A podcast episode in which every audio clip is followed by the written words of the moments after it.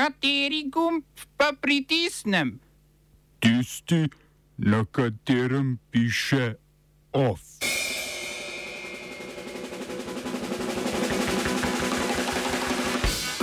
Elizabeta II. vendarle ni neumrljiva. Naj živi Karel III. Britanska premijejka Liz Truss napovedala skoraj 173 milijard evrov vreden paket pomoči za reševanje energetske krize. Evropska centralna banka dvignila ključne obrestne mere za 75 bazičnih točk. Zoran Stevanovič spet v bitko za župana Kranja.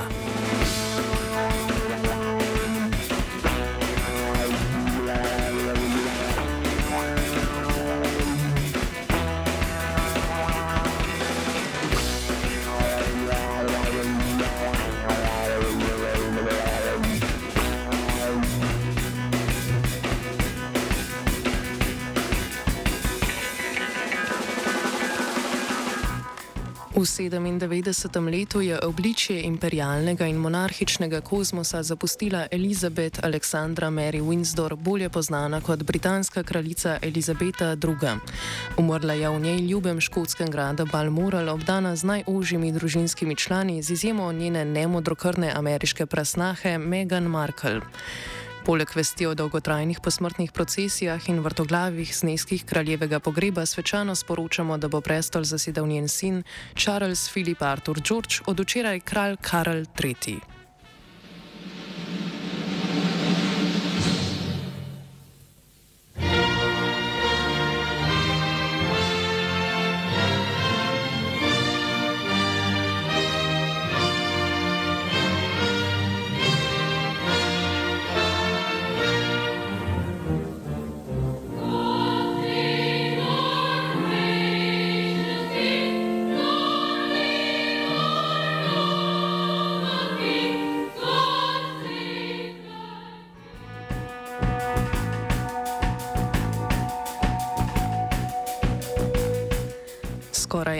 71 let trajajoče vladanje preminule je zaznamoval konec britanskega imperija, začetek neokolonializma in smrt princese Diane.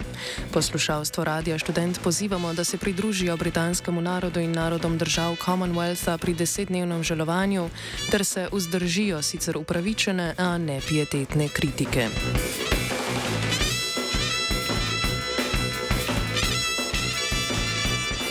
Med zadnjimi je Elizabeto II. spoznala nova predsednica britanske vlade, konzervativka Liz Truss, ki je v črnini napovedala 173 milijard evrov vreden načrt pomoči gospodinstvom in gospodarstvu pri spopadanju z energetsko krizo. S temi sredstvi bo vlada stroške energentov za naslednji dve leti za gospodinstva omejila na 2900 evrov letno. Po nekaterih analizah bi lahko letni računi za energente za povprečno gospodinstvo naslednje leto brez vladne intervencije presegli 6000 evrov. Napovedala je tudi povečanje domače proizvodnje nafte in plina, odpravo prepovedi frackinga. Obljubila je tudi okoli 100 dodatnih licenc za črpanje nafte in plina. Tras je proti dvigovanju davkov, paket pomoči se bo po njenih napovedih financiral z zadolževanjem. Gre za eno večjih državnih intervencij britanske vlade od globalne recesije, ki je sledila zlomu trga leta 2008. Za primerjavo, to je več kot trikrat več, kot znaša letošnji britanski obrambni proračun.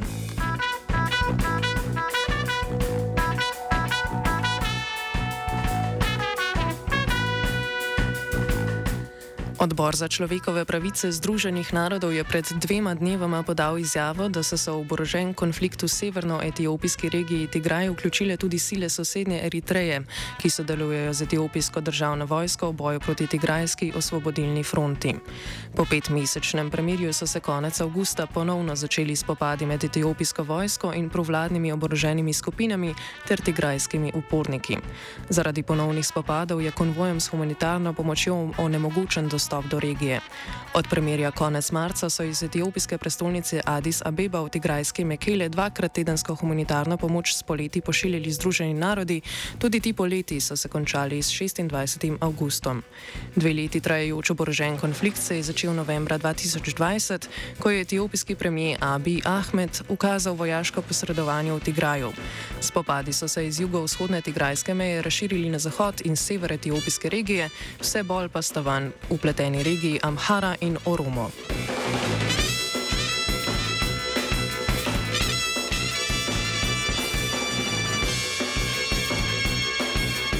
Ustavno sodišče v Angoliji je zavrnilo pritožbo poraženke splošnih volitev stranke Nacionalna zveza za popolno neodvisnost Angole, krajše UNITA, ki je zahtevala razveljavitev volitev.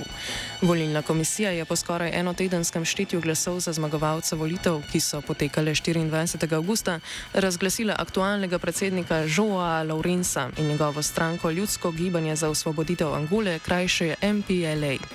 Voditelj stranke UNITA Adalberto Costa Jr. ni priznal uradnih rezultatov, saj se niso skladali štetjem, ki so ga opravili v stranki.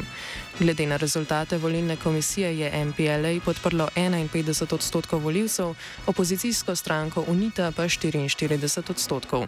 Po odločitvi ustavnega sodišča bo Joao Lorenzo kot predsednik zaprisežen naslednji teden, na vrhu države torej ostaja stranka, ki je na oblasti že od osvoboditve izpod Portugalske leta 1975. 70.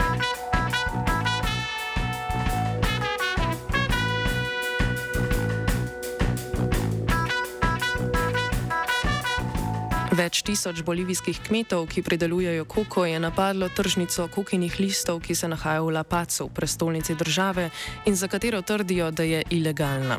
Oktobra lani se je v prestolnici odprla tretja tržnica kokinih listov, kjer cene za razliko od drugih dveh niso regulirane. Kmetje se že pet dni spopadajo s policijo, v boju proti varnostnim silom so uporabili dinamit, molotovke in pirotehnične izdelke. Pridelovalci so organizirani v združenju Adep Koka, skoraj 90 odstotkov legalne trgovine s kokinimi listi vredne okoli 173 milijonov evrov letno, teče pa prek tržnic pod njihovim nadzorom. Vodja protestov Esara Paza je vlado predsednika Luisa Arka obtožil, da dopušča po njihovem mnenju ilegalno tržnico.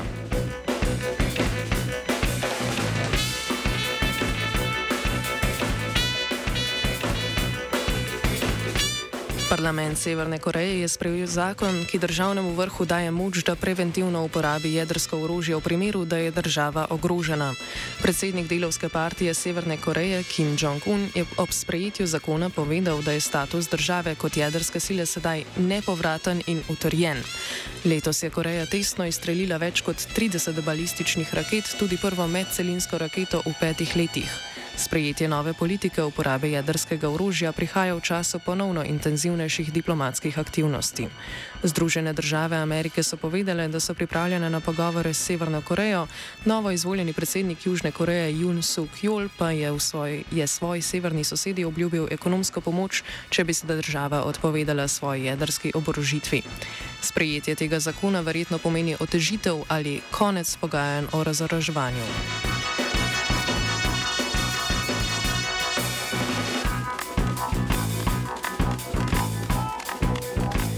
Evropska centralna banka je napovedala dvig obrestnih mer za nič cela 75 odstotka. Gre za rekorden dvig obrestne mere, saj je bila ta do leta 2016 pri nič odstotkih, julija letos je bila zvišena za pol odstotka, sedaj pa znaša 1,25 odstotka. Svet centralne, svet centralne banke je odločitev o povečanju obrestnih mer sprejel soglasno, kot utemeljitev pa navedel napovedi, da se bo inflacija še nekaj časa gibala precej nad dvemi odstotki, kar je cilj banke. Poprečna medletna inflacija inflacija na evroobmočju je avgusta presegla 9 odstotkov. ECB kot glavne razloge za to navaja visoke cene energentov in hrane, posebej kot posledica ruskega napada na Ukrajino. A tudi osnovna inflacija brez cen energentov in hrane je pri visokih 4,3 odstotka. Guvernerka banke Kristin Lagarde napoveduje višanje obrestnih mer tudi v prihodnje. Lagarde pravi, da bi v primeru, da Rusija prekine dobavo plina državam evroobmočja, lahko prišlo do recesije. Smo se osamosvojili, nismo se pa osvobodili. Naslednje število je še 500 projektov.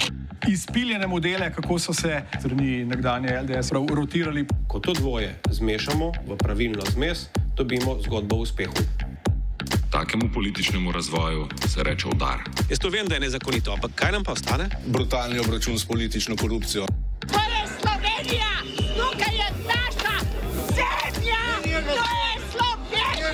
Slovenija! Slovenija! Zoran Stevanovič, predsednik stranke Resnica, je napovedal kandidaturo na volitvah za župana mesta Kran. Protagonist proticepilskih protestov se je na zadnjih lokalnih volitvah z 32 odstotki prebil v drugi krok, njegova stranka je v tem mandatu imela šest občinskih svetnikov.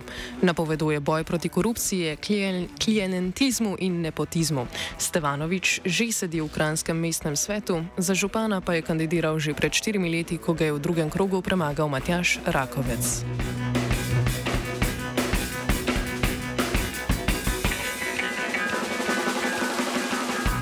Na 110. dan stavke RTV je potekala novinarska konferenca, na kateri je koordinacija novinarskih sindikatov RTV predstavila zadnje dogajanje v medijski hiši.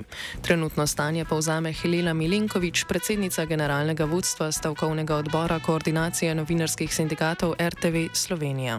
Danes je 110. dan stavke. Razmene na radio televiziji Slovenija, zaradi katerih smo vodstvu konec maja napovedali stavko, so danes po 12. krogu pogajanj še bolj zaostrene. S stavkovnimi pogajanji nismo prišli nikamor. Še vedno smo pri prvi ali neji prve stavkovne zahteve in to je novinarska, uredniška in institucionalna avtonomija. Na mesto reševanja razmer, zaradi katerih smo napovedali stavko, vodstvo, na posamezna uredništva, novinarje in ustvarjalce programov stopnjuje pritiske, izvaja šikaniranja, mobbing, posega v uredniško in novinarsko delo. Naprimer, direktor televizije presega svoja pooblastila, ko pritiska na urednika oddaj in jim diktira goste in vsebino. Posamezni zaposlenim se grozi z disciplinskimi postopki in grožnjami z odpovedijo delovnega razmerja.